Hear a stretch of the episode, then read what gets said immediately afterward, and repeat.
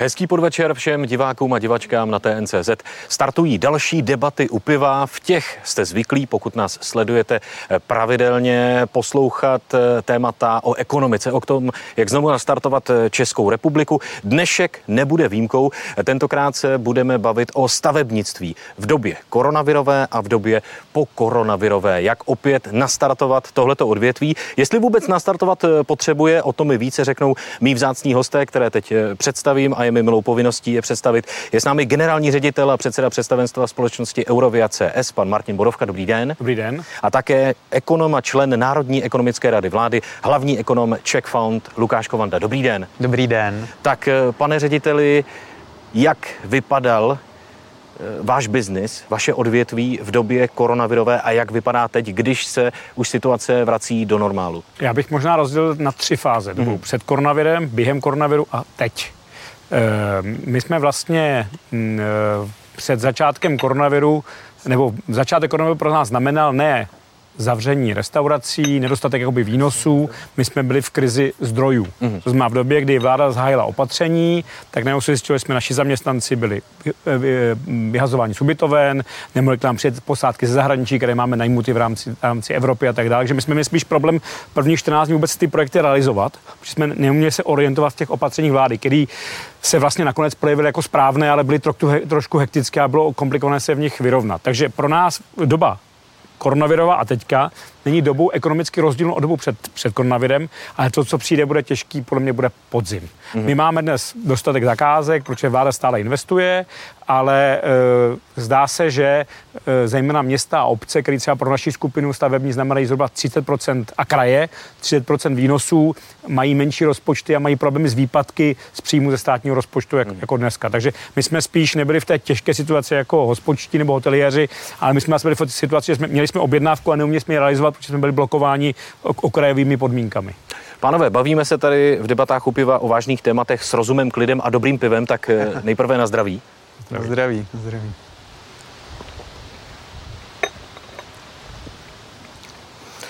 Budu pokračovat eh, v té první otázce. Už máte nějakou analýzu co vlastně koronavirová krize, která podle vás eh, ve vašem odvětví přijde až na podzim, co udělá s čísly, jaký bude propad, protože ty předchozí roky, nebo ten předchozí rok byl rekordní ve vašem biznesu? Eh, myslíme si, že rok 2020 20 nebude nějak dramatický. Stavebnictví, a předpokládám, že pan kolega to potvrdí, má svoji jistou, synergi, jistou setrvačnost. To znamená, že eh, má se to proví tak 6 až 8 měsíců po nějaký, mm-hmm. po nějaký krizi. To znamená, že i krize 2008 se stavebnictví vlastně neprojevila v roce 2000 2008, ale projevily se v roce 2009-2010.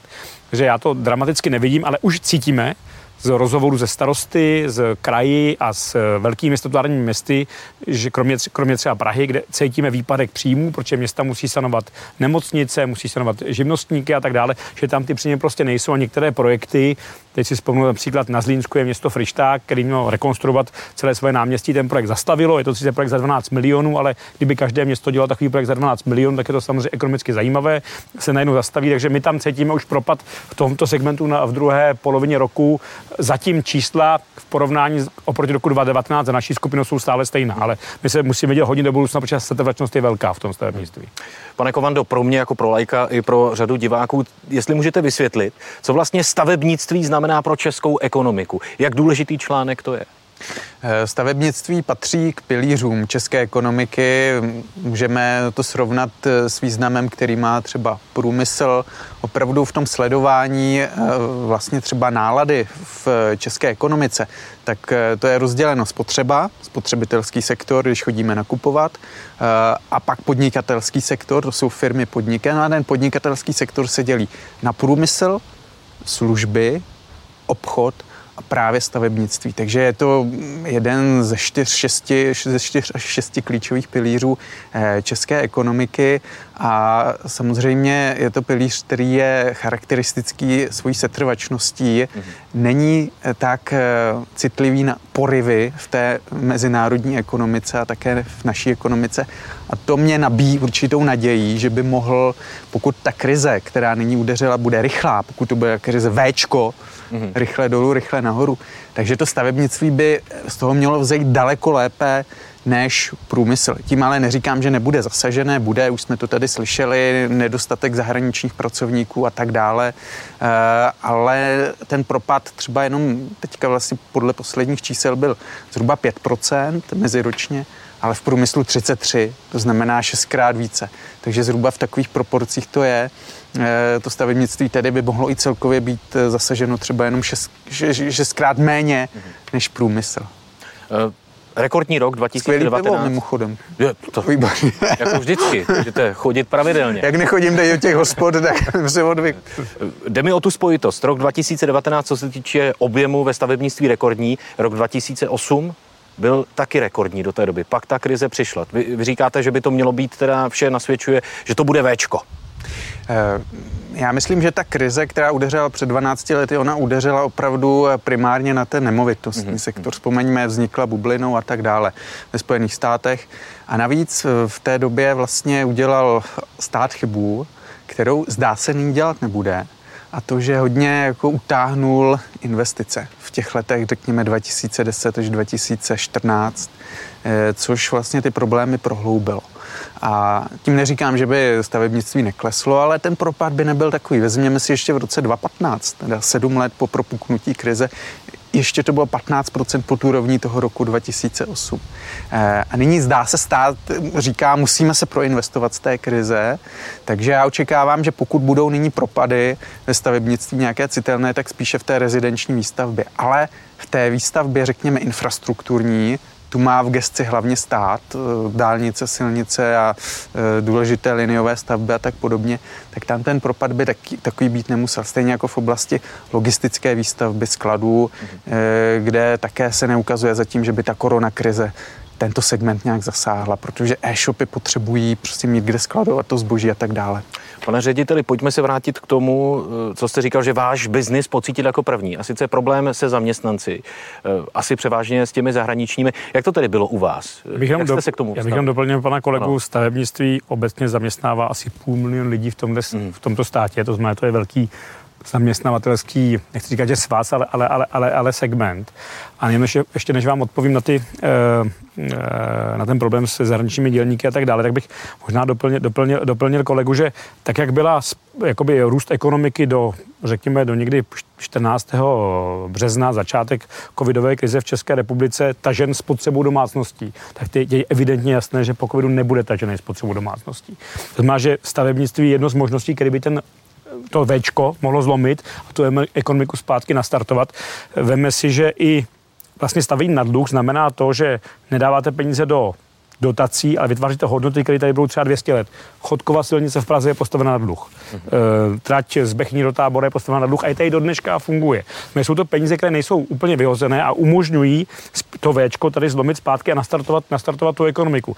My máme spočítáno, že vlastně z jedné koruny investovaní do dopravní infrastruktury, ať je to náměstí, ať je to dálnice, ať je to železniční koridor, se 45%, to znamená z koruny 45 haléřů vrátí zpátky. Protože my na ten projekt přijdeme, jsme tam pět let, když to zjednoduším, jsme tady v hospodě, tak ty naši lidi nemusí někde bydlet, někde si musí stravovat, někde musí koupit hřebíky, někde si musí koupit ráno rohlík. Jsme okamžitě to nastartuje tu ekonomiku a to nehovořím o čísle jako spotřební dán, DPH a tak dále, které se okamžitě vrátí do toho státního rozpočtu. Takže je to jasný apel tady, pokud nás někdo sleduje z vlády, rozhodně nesahat na peníze do stavebnictví, naopak je ještě navýšit, že tím se to paradoxně všechno nastartuje? Já, já musím říct, že eh, asi pan kolega tady je víc člen nervů, ale tak, jak se potkáváme s politiky, tak já myslím, že ten apel není potřeba. Oni, oni, oni to chápou. Já si jako myslím, že eh, je, je řada zajímavých projektů na úrovni krajů, měst a obcí, který umějí tu ekonomiku nastartovat lokálně a tam by ta vláda měla zaměřit i nějakou podporu, protože to jsou projekty, které jsou rychle připravitelné. Přeci jenom vysokorychlostní trať je 6 až 7 let přípravy. To je dlouhý. My potřebujeme do té ekonomiky dostat peníze, peníze, peníze, peníze, peníze rychle. Ale abych neodbil od tématu, tak uh, zahraniční dělníci pro nás představují velký problém, protože my máme řadu posádek na špičkových specializovaných strojích, buď ze Slovenska. Nebo máme dokonce posádky, které putují po Evropě a jsou to třeba i občané Německa nebo Švýcarska, který dokonce i ty mašiny někdy servisují. A my jsme se dostali do problému, že jsme měli třeba porouchanou mašinu, která je součástí jako komplikovaného systému výstavby té dálnice a nemohl přijet servismen. Takže to byl ten problém, v kterém jsme se potkávali. My jsme neměli problém jakoby s prací, ale s tím, že jsme nebyli třeba schopni pracovat tím dobu. Takže vám chyběl jak dělník i odbornější profesor. Přesně, přesně tak. Často se asi setkáváte s tím dotazem, dalo by se říci z lidu, eh, to se vám to dělají zakázky, když eh, najmete dělníka z Ukrajiny, proč nezaplatíte toho českého? A myslíte, že český, český dělník přijde? Beru jako dotaz z lidu, vy prosím, jestli můžete na tohle odpovědět. Já můžu odpovědět jednoduše, my samozřejmě máme 90% jako zaměstnanců mm. z České republiky ze Slovenska, protože jsme vznikli z nějakého konglomerátu, který působil ještě v rámci Československa před rozpadem, takže máme mnoho slovenských, slovenských kolegů, ale z mýho pohledu um, my jsme máme řadu inzerátů, dneska to není ani otázka ceny, prostě ty Češi do toho stavebnictví jako nechtějí, jako nechtějí Němci v Německu do stavebnictví, v Anglii, Angličani, to, je, je to stejný. To zaměstnání je velmi zajímavý, pro mě je to strašně jako mm, emotivní záležitost, ale prostě ten Čech tam nechce jít. Takže vašeho odvětví se zatím ani nějaké propouštění netýkalo a týkat nebude? My spíš obráceně, my hmm. spíš scháníme zaměstnance dál. Když to vememe komplexně, pane Kovando, přijde v září nebo na podzim nějaký extrémní boom propouštění, teď myslím komplexně v České republice. Má se Česká republika, potažmo lidé, kteří řeší leasingy, hypotéky a další věci, připravit na to, že mohou přijít do zaměstnání? Bohužel budu poslem špatných zpráv, ale určitě ano. Očekáváme, že míra nezaměstnanosti bude růst citelněji už v těch letních měsících, eh, prázdninách a pak samozřejmě na ten podzim, kdy bude ten hlavní náraz, protože v té době eh, skončí Kurzarbeit, eh, skončí ošetřovné, skončí moratorium pro, nebo ty odklady splátek a vlastně ta ekonomika bude poprvé po úderu koronaviru nucená stát na svých vlastních nohou, bez té berličky, kterou jí poskytuje stát. No a pak můžou zaplakat sta tisíce lidí, kteří přijdou o práci, protože zatím to je tak, že vlastně tu mzdu a ta pracovní místa jim platí z velké části stát na dluh nás všech. My to zaplatíme jednou ze svých daní, ale zatím to platí ten stát a jakmile to platit nebude, protože to není dlouhodobě možné, tak velká část těch míst prostě se zhroutí a dále nebudou moci být funkční v té ekonomice. No a pak budeme pozorovat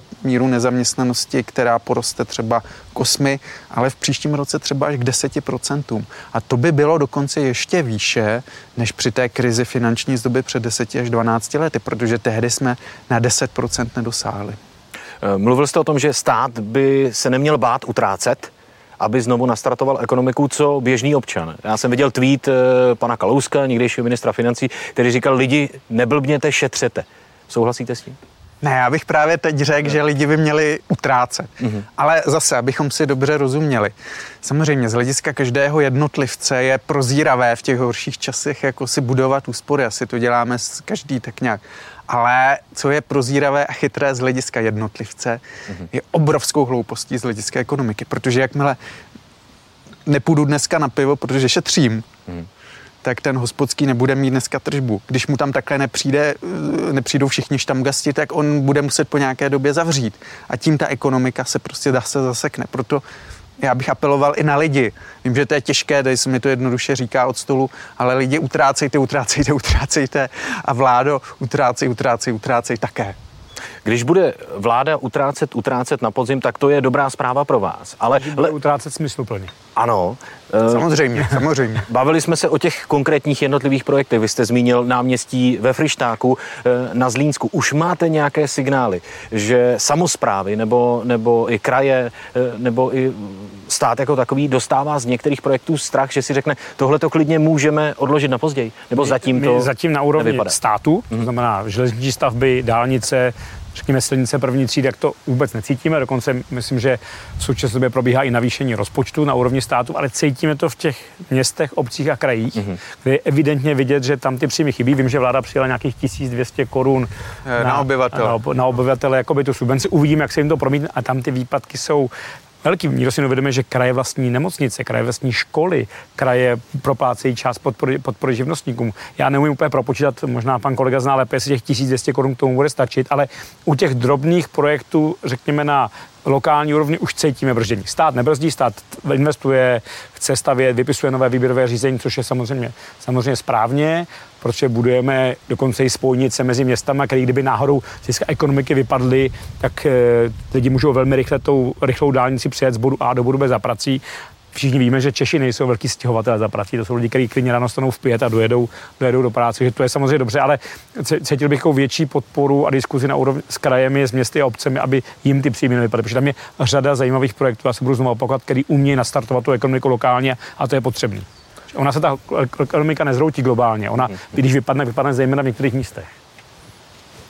Chcete Jasně, no, tam prostě došlo, že byly vyždímány ty mm. obce a ty nižší územně správní celky kvůli tomu, že se museli podílet například na té pomoci živnostníkům ve formě 25, protože to bylo určeno jako vratka daňová a zasáhlo to tedy ten rozpočtové určení daní. E, myslím si, že nyní to vláda bude kompenzovat a kompenzuje těma 12 eh, těmi 12 korunami na obyvatele. Zda to bude stačit otázka, nicméně bylo asi přece jenom poněkud nešťastné, že sáhla na ty peníze obcím, protože já přesně souhlasím, že jednak stát si půjčuje mnohem levněji než ty obce, stát si půjčuje nejlevněji ze všech, protože stát půjčí i mezinárodní investoři a ty úrokové sazby jsou prostě historicky rekordně nízko a e, stát si také může půjčit ve velkém objemu, takže trochu myslím, že to bylo neprozíravé, jak si to vzít těm obcím, vzít to těm krajům, jako je vyždímat protože přesně tam teď stojí ty opravy náměstí a to tam lokálně, místně těm lidem dává práci. Eh, když to tam teďka nebude, co ty lidi budou dělat? A když nebudou mít za to, že eh, pracovali na stavbě, nepůjdou do té místní hospody. Z čeho bude žít ten hospodský? Pak už máme ten takzvaný multiplikativní efekt, kdy to, že dostane zaplaceno stavební dělník, se pak odráží v tom, že má větší tržby ta restaurace. A když tohle všechno na té místní úrovni zastavíme, tak to může být spouštěč toho průšvihu eh, a může to daleko zhoršit zhoršit tu situaci a prohloubit eh, třeba ten propad v té zaměstnanosti. Když jste byl hostem, mým hostem televizních novin, tak jste říkal, a je to pár dní, týdnů zpátky, že krize 100% přijde. Ale kdy jindy by se stát měl zadlužovat, byť extrémně, než teď? Zatím si pořád stále stojíte, že prostě... Jednoznačně. Ku podivu, tedy jsem nezměnil názor. ne, jednoznačně. To jako od roku 93 tady v historii České republiky nebyla doba, kdy by bylo příhodnější, přínosnější, případnější se zadlužovat.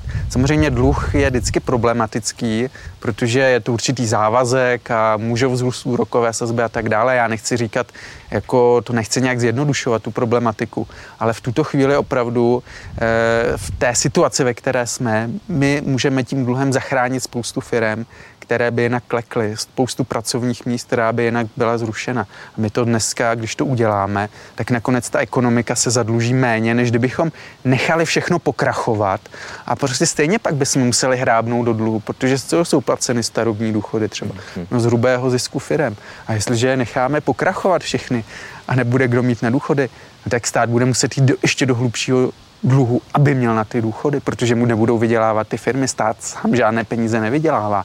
On jenom vlastně bere na daních a pak to přerozděluje. Hmm. Ten schodek 500 miliard, podle vás konečné číslo, nebo půjde Já doufám, že je konečné, ale jestli to bude 600 miliard, to už je, to už je detail. Byť bych ještě před 6 eh, měsíci si za tato slova nafackoval, ale jestli 500-600 miliard, já si myslím, že to už to jsou takové proporce astronomické, že už to nehraje v podstatě roli. Mm. Ale myslím si, že to bude těch 500 konečné číslo, možná, že to bude i nižší než 500 miliard nakonec. Pane řediteli, důležité slovo, nebo vlastně symbol pro vaši společnost. Dálnice D1. To s tím jste spojení naprosto neodmyslitelně. Eh, co pro vás vlastně tenhle ten projekt, ta páteřní komunikace a její nutná rekonstrukce jako pro společnost znamená? Nevím, jestli mám říct bohužel nebo bohudík. To nevím, jestli je správná odpověď, ale... Tak jak to cítíte? Takhle, my jsme, my jsme u té dálnice D1 byli v době, kdy se stavila v, v 70. letech, takže pro nás je to samozřejmě trošku srdeční záležitost. Pro mě to je vlastně ukázka umu naší skupiny, že i na takhle frekventované dálnici, kde jsou relativně složitý pracovní podmínky, se umíme zmobilizovat tak, že absolutně pro zákazníka plníme termíny, možná, že jako řidičům se to nezdá, ale fungujeme tak, že stavby jsou včas, v pořádku a vlastně jsme jako jedna z mála firm, která, která na, na těch úsekách nemá problémy. Takže se, pro mě to je spíš kladná výkladní skříň toho, co vlastně naše stavební skupina, skupina umí. Uznávám, že řidiči nás vidí jako brzditele dopravy, ale ta, ta dálnice byla 20 let, zažil se svojí životností, je, musí se dokonale zrekonstruovat. E, možná, že si málo kdo uvědomuje, že e, řada řekl bych, řada těch zácp není z naší vůle, ale z vůle jako nehody řidičů. Jo. Mm-hmm. To málo kdo vidí, že vlastně, e, vlastně on stojí v té zácpě, tam se stane nehoda nákladního vozidla a on se nepodívá do zpětného zrcátka, že vlastně ta stavba, jak je v zářezu nebo v násypu, tak my ji neumíme stavit jinak než z té dálnice. Znamená, že když nám stane nehoda, tak nás ten beton, cement to stojí vzadu, my nemůžeme stavit. Takže řidič je naštvaný, protože na té stavbě se nedělá, ale my nemůžeme dělat, protože nejsou ty zdroje. Hmm. Jo, takže pro nás jako prestižní záležitost, ale myslím, že ji zvládáme s elegancí a krásou. Takže vás občas mrzí ta kritika, dejme tomu toho řidiče, který tam čeká, zase za to můžeme, protože opravují úsek, který už byl někdy opravován tou, tím selským rozumem, Takhle, za když ná... vyděláte maximum. Za nás, co se opravuje, neurčujeme my, určuje ano. stát organizovat to veřejné výběrové řízení, které my se zúčastně buď vyhrajeme nebo, nebo, nebo prohrajeme. Že dálnice D1 je 20 let za svoji životnosti, všichni víme, dokonce na ty intenzity, kde byla stavěna, jsme dneska překonali asi třikrát. Jo? Takže z tohohle pohledu, z tohohle pohledu nás samozřejmě mrzí, protože já na té stavbě trávím relativně hodně času, protože ona je relativně st- st- sledovaná. Dokonce jeden úsek je při cestě premiéra z vlády k sobě domů, takže ona je relativně hlídaná, takže tomu se musím jako osobně věnovat. a musím, denně. musím říct, že musím musím říct, že když tam vidím to nasazení těch našich lidí v ta, ta toho těžkého provozu, tak si tu kritiku nezaslouží. Zbrzdila nějak korona ty termíny, nebo, nebo tam je, vůbec problém? Takhle, je tam malinké spoždění v dílčích etapách, ne v celkovém termínu, ale v některých díl, dílčích etapách. Ty byly dány to, že jeden speciální stroj šel z Německa a Bavorsko odstavilo kvůli krizi e, e, fabriku nebo, nebo továrnu a jedna výrobna je taky spožená, proč montážníci u něj přijeli pozdě. Ale ta je jenom dílčí etapa, celkový termín plníme bez problémů. Vy nejenom, že vidíte pod pokličku té rekonstrukce jedničky, vy přímo vaříte, tak eh, kdy bude úplně hotovo? Kdy se bude servírovat, aby to bylo totálně za, za, nějaké za, za, My nemáme, my, my stavíme čtyři úseky ze z šesti teďka nebo sedmi, který se staví za nás 2021, ale já neznám harmonogram těch dvou úseků, které dělají naši konkurenti, to se hmm. přiznám, je to nevím. Za nás 2021 bude hotovo. Vy jste řekl uh, zajímavé spojení, já ho teď jako přeložím zase, aby to bylo poličtěný, že spíše to pro vás reklama než kšeft? Um, jak, takhle, jak není, to, není to nejrentabilnější zakázka, kterou, kterou, eh, kterou, kterou máme, ale je to, je to velmi zajímavá práce, ono to umožňuje mobilizovat ty týmy, oni musí přemýšlet, mm-hmm. pracovat, fungovat na tom, ale není to zakázka, na který vyděláváme největší marži. Mm-hmm. Pane Kovando, velké téma je trh s nemovitostmi. Co s ním korona krize, co s ním korona udělá nebo neudělá. Spousta diváckých dotazů na to mířila tak co koupit je ideální čas nebo počkat? Co říkáte vy, co to udělá s, s, s nemovitostmi? Tak když dám všechny pro a proti, které slýchám, které mi eh, samotnému chodí hlavou, tak já myslím, že ta generační příležitost k nákupu nemovitosti bude v příštím roce, v roce 2021. To z toho důvodu, že když se třeba podíváme na scénáře, které má Česká národní banka, tak jeden scénář příznivý je ten, že ceny budou stagnovat v průměru, to znamená, že nedojde teďka k žádnému zdražení, že za rok touto dobou bude, budou ceny e, zhruba stejné, jako jsou nyní, a nebo bude, což je ten nepříznivý scénář České národní banky, propad zhruba 20%. Jo? Takže v průměru je to minus 10, hmm. takže se vyplatí počkat. A navíc v příštím roce takřka jistě budou o něco levnější než nyní hypotéky. E, tudíž kdo úplně nutně nepotřebuje střechu nad hlavou hned teď, tak doporučuji počkat. Oni, jak bude ten náraz podzimní, tak přeci jenom ti lidé, kteří si říkají, tak já ještě vydržím, třeba to bude to Včko, prodám to až na podzim, ale pak jim rupnou nervy v jednu chvíli a už to prostě už půjdou dolů. Jo, a tahle doba nastane příštím roce a v roce 2022, a to říká i prognóza České národní banky, už zase bude růst cen nemovitostí. Mm. Takže e, právě proto říkám, že příští rok by opravdu mohla být ta generační příležitost, protože pak třeba až do roku 30, možná i do 30. let, tady může být zase setrvalý růst cen nemovitostí, tak jako byl v těch uplynulých letech před koronakrizí. Takže vyčkat, Takže z dlouhodobého hlediska ten, kdo koupí byt teď a má ho na bydlení, plánuje 15-20 let, tak neprohloupí, i když ho koupí teď. To si myslíte? Určitě. Jo. jo, jako kdo, teď jsem mluvil spíš jako mm, ke spekulantům mm-hmm. a k investorům nebo k lidem, kteří si kupují byt na investici a zajímá je tedy víc, kolik stojí. Pokud někdo kupuje byt a plánuje tam bydlet 15 let, tak mně je úplně jedno v podstatě, kolik stojí mm. můj byt, když to jako má střecha nad hlavou, já nemíním prostě se z něj stěhovat a tak dále, tak vlastně to je úplně, úplně jedno, kolik ten byt stojí. Samozřejmě můžete si na to vzít hypotéku a tak dále, takže to jistou roli hraje, ale e, v zásadě, jak říkáte, jestliže nyní někdo potřebuje byt na 15 let a ví, že v něm bude určitě bydlet, že ho nebude přeprodávat, tak klidně ať kupuje nyní. Mm. Já si myslím, že žádnou velkou chybu neprodává, ale pokud chce sázet na to, že by ještě mohl koupit o něco levněji, tak ještě ať vydrží. Ale zase si musí spočítat, kolik ho budou stát ty, ty pro ná, ty bydlení v nájmu, jestli bydlí v nájmu třeba ten rok, jestli náhodou se to nevyplatí koupit už nyní. Kolik budete mít nepřijatých hovorů po této diskuzi od developerů? Eh, budu mít hodně, budu mít hodně nadávek, protože ať řeknu, že nemovitosti vzrostou nebo klesnou, tak vždycky se najde někdo, kdo mi napíše nějaký hrozně milý e-mail, líbezbrief takový, cože jsem to za mm-hmm. že si dovoluju takhle manipulovat veřejnost. Takže mm, nezavděčíte se všem. Já jenom potvrdím, že samozřejmě developři nejsou náš velký zákazník, my pro ně děláme spíš takový ty přípravní práce a tam teda cítíme, že ta poptávka je teďka hodně ochlazená. Jo, jako za, za, nás. Ale já říkám, pro nás to není velký zákazník, my spíš děláme ty přípravní práce, tak podle mě tam mm-hmm. cítíme, že, jako, že ta, ta poptávka je dost ochlazená. Tady opravdu, ona také, Česká národní banka zrovna minulý týden uvolňovala podmínky pro hypotéky, ona to nedělá jen tak. Ona to dělá, protože jisté riziko opravdu velkého propadu cen nemovitostí tady je. To si nemůžeme zastírat a samozřejmě to by bylo tak citelné, že by už mohla destabilizovat eh, ten propad i ten finanční sektor. A o jeho stabilitu musí nebo dbát, proto jak se preventivně uvolnila podmínky pro hypotéky, aby tím dodala tomu celému trhu dodatečnou poptávku. My jsme včera v televizních novinách hráli analýzu o tom, že eh, lidé se bojí, že až 700 tisíc Čechů by mohlo spadnout do exekuce.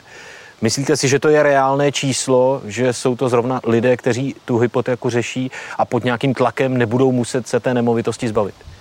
Tak my jsme věděli už před krizí, že řada domácností jede takzvaně na krev hmm. s tím splácením té své hypotéky a určitě hrozí nárůst těch nesplácených úvěrů. Já myslím, že banky už s tím v podstatě počítají. To znamená, oni si musí odkládat více prostředků do rezerv na oprávky a tak dále. A proto bude letos ziskovost bank velmi špatná spoje se více faktorů, včetně toho moratoria, odkladu splátek, ale toto je jeden z důvodů, že prostě narůst, naroste ten podíl lidí, kteří prostě mají půjčku, včetně třeba hypotéky a nejsou schopni splácet. Ale tento podíl je zatím velice nízký, dokonce nižší než před tou minulou krizí. Hmm. Takže pokud to nebude nějaká fatální krize typu toho, že přijde druhá vlna pandemie, tak já bych zase neviděl v tom úplnou, úplný konec světa a plnou mega katastrofu. Ale samozřejmě pro ty konkrétní domácnosti to bude velmi obtížná situace a mohou se opravdu ocitnout v tom velice neblahém řetězci, kde je nakonec prostě zabavený majetek exekutor eh, a tak dále a tak dále. A tam už ten ekonomický problém je problémem sociálním samozřejmě. Hmm.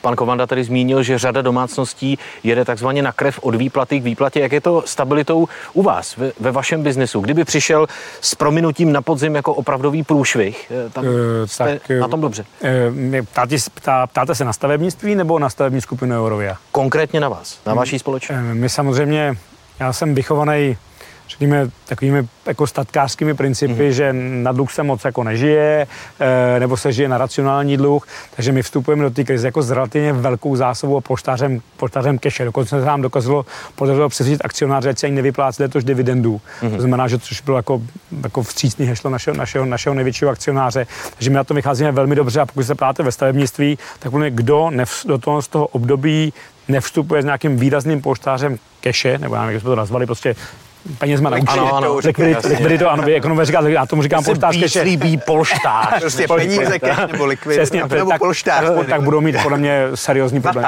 Kdo to měl hodně postavený ten biznis na dluhu, tak evidentně bude mít, bude mít, bude mít, bude mít starosti. Náš problém to není, já se to číslo tady bojím říct, ale je velký. Mm-hmm. Jeden, di- Ano, vata a polštář a strožoch. Eh, jeden divácký dotaz na vás, pane řediteli. Opravdu patříme v povolování staveb k nejhorším na světě na úrovni zemí střední Afriky? Bohužel ano. My jsme se za 20 let propracovali, nebo 20, od vzniku České, České republiky, 28 let to dneska, jestli to počítáme správně, propracovali na 159. místo v povolování a jsme na úrovni Ghany. Hmm. Co to s váma dělá? Eh, počkejte, Polsko ano, je 39. dokonce i z naší slovenští mm, bratři nebo mm, kolegové ze stejné federální země jsou na tom dale, dale, daleko lépe. Hmm. my tak neustále přitvrzujeme ty předpisy, že jsou vlastně složitý. To znamená, že z vašeho pohledu, dneska se bavíme o výstavbě třeba dálnice D11, tak ona trvá 13 let, ale my jako stavaři tam přijíme na posledních 2,5 roku. Má, byste, předpokládám, bývalý sporták, tak eh, víte, víte, co to je. My jsme tam vlastně hokejovou terminologií vlastně v poslední třetině jako zápasu. A předtím je všechno celá role státu a ta je strašně komplikovaná a složitá. Jo, a vlastně my jsme si to strašně sami zkomplikovali, proto ten start ekonomie jako není, ekonomiky není teďka jednoduchý, protože mi možná bude mít peníze, mm-hmm. ale bude mít problém ty stavby povolit. I když musím říct, že poslední kroky vlády jsou pozitivní, tady 416, což je zákon o povolování liniových staveb a tak, a tak dále, ale principiálně jsme to ještě úplně nezjednodušili. Já myslím, že vyhráno bude, když se podaří přijmout racionálně rekodifikace stavebního zákona, mm. což nebude jen tak, to bude tak 2021, to se asi spolu shodneme 2022, dřív to nebude. A když se to nepodaří, tak možná budou peníze, budou nápady a nebude co stavět. To jste krásně uzavřel. Pánové, já vám děkuji, že jste byli mými hosty a české ekonomice a českému stavebnictví konkrétně. Přejeme to nejlepší, aby eh, se to Včko, aby bylo co nejužší. Děkujeme a nashledanou. Zdraví, děkujeme. S vámi se loučíme, u dalších debat u piva se budu těšit. Na viděnou.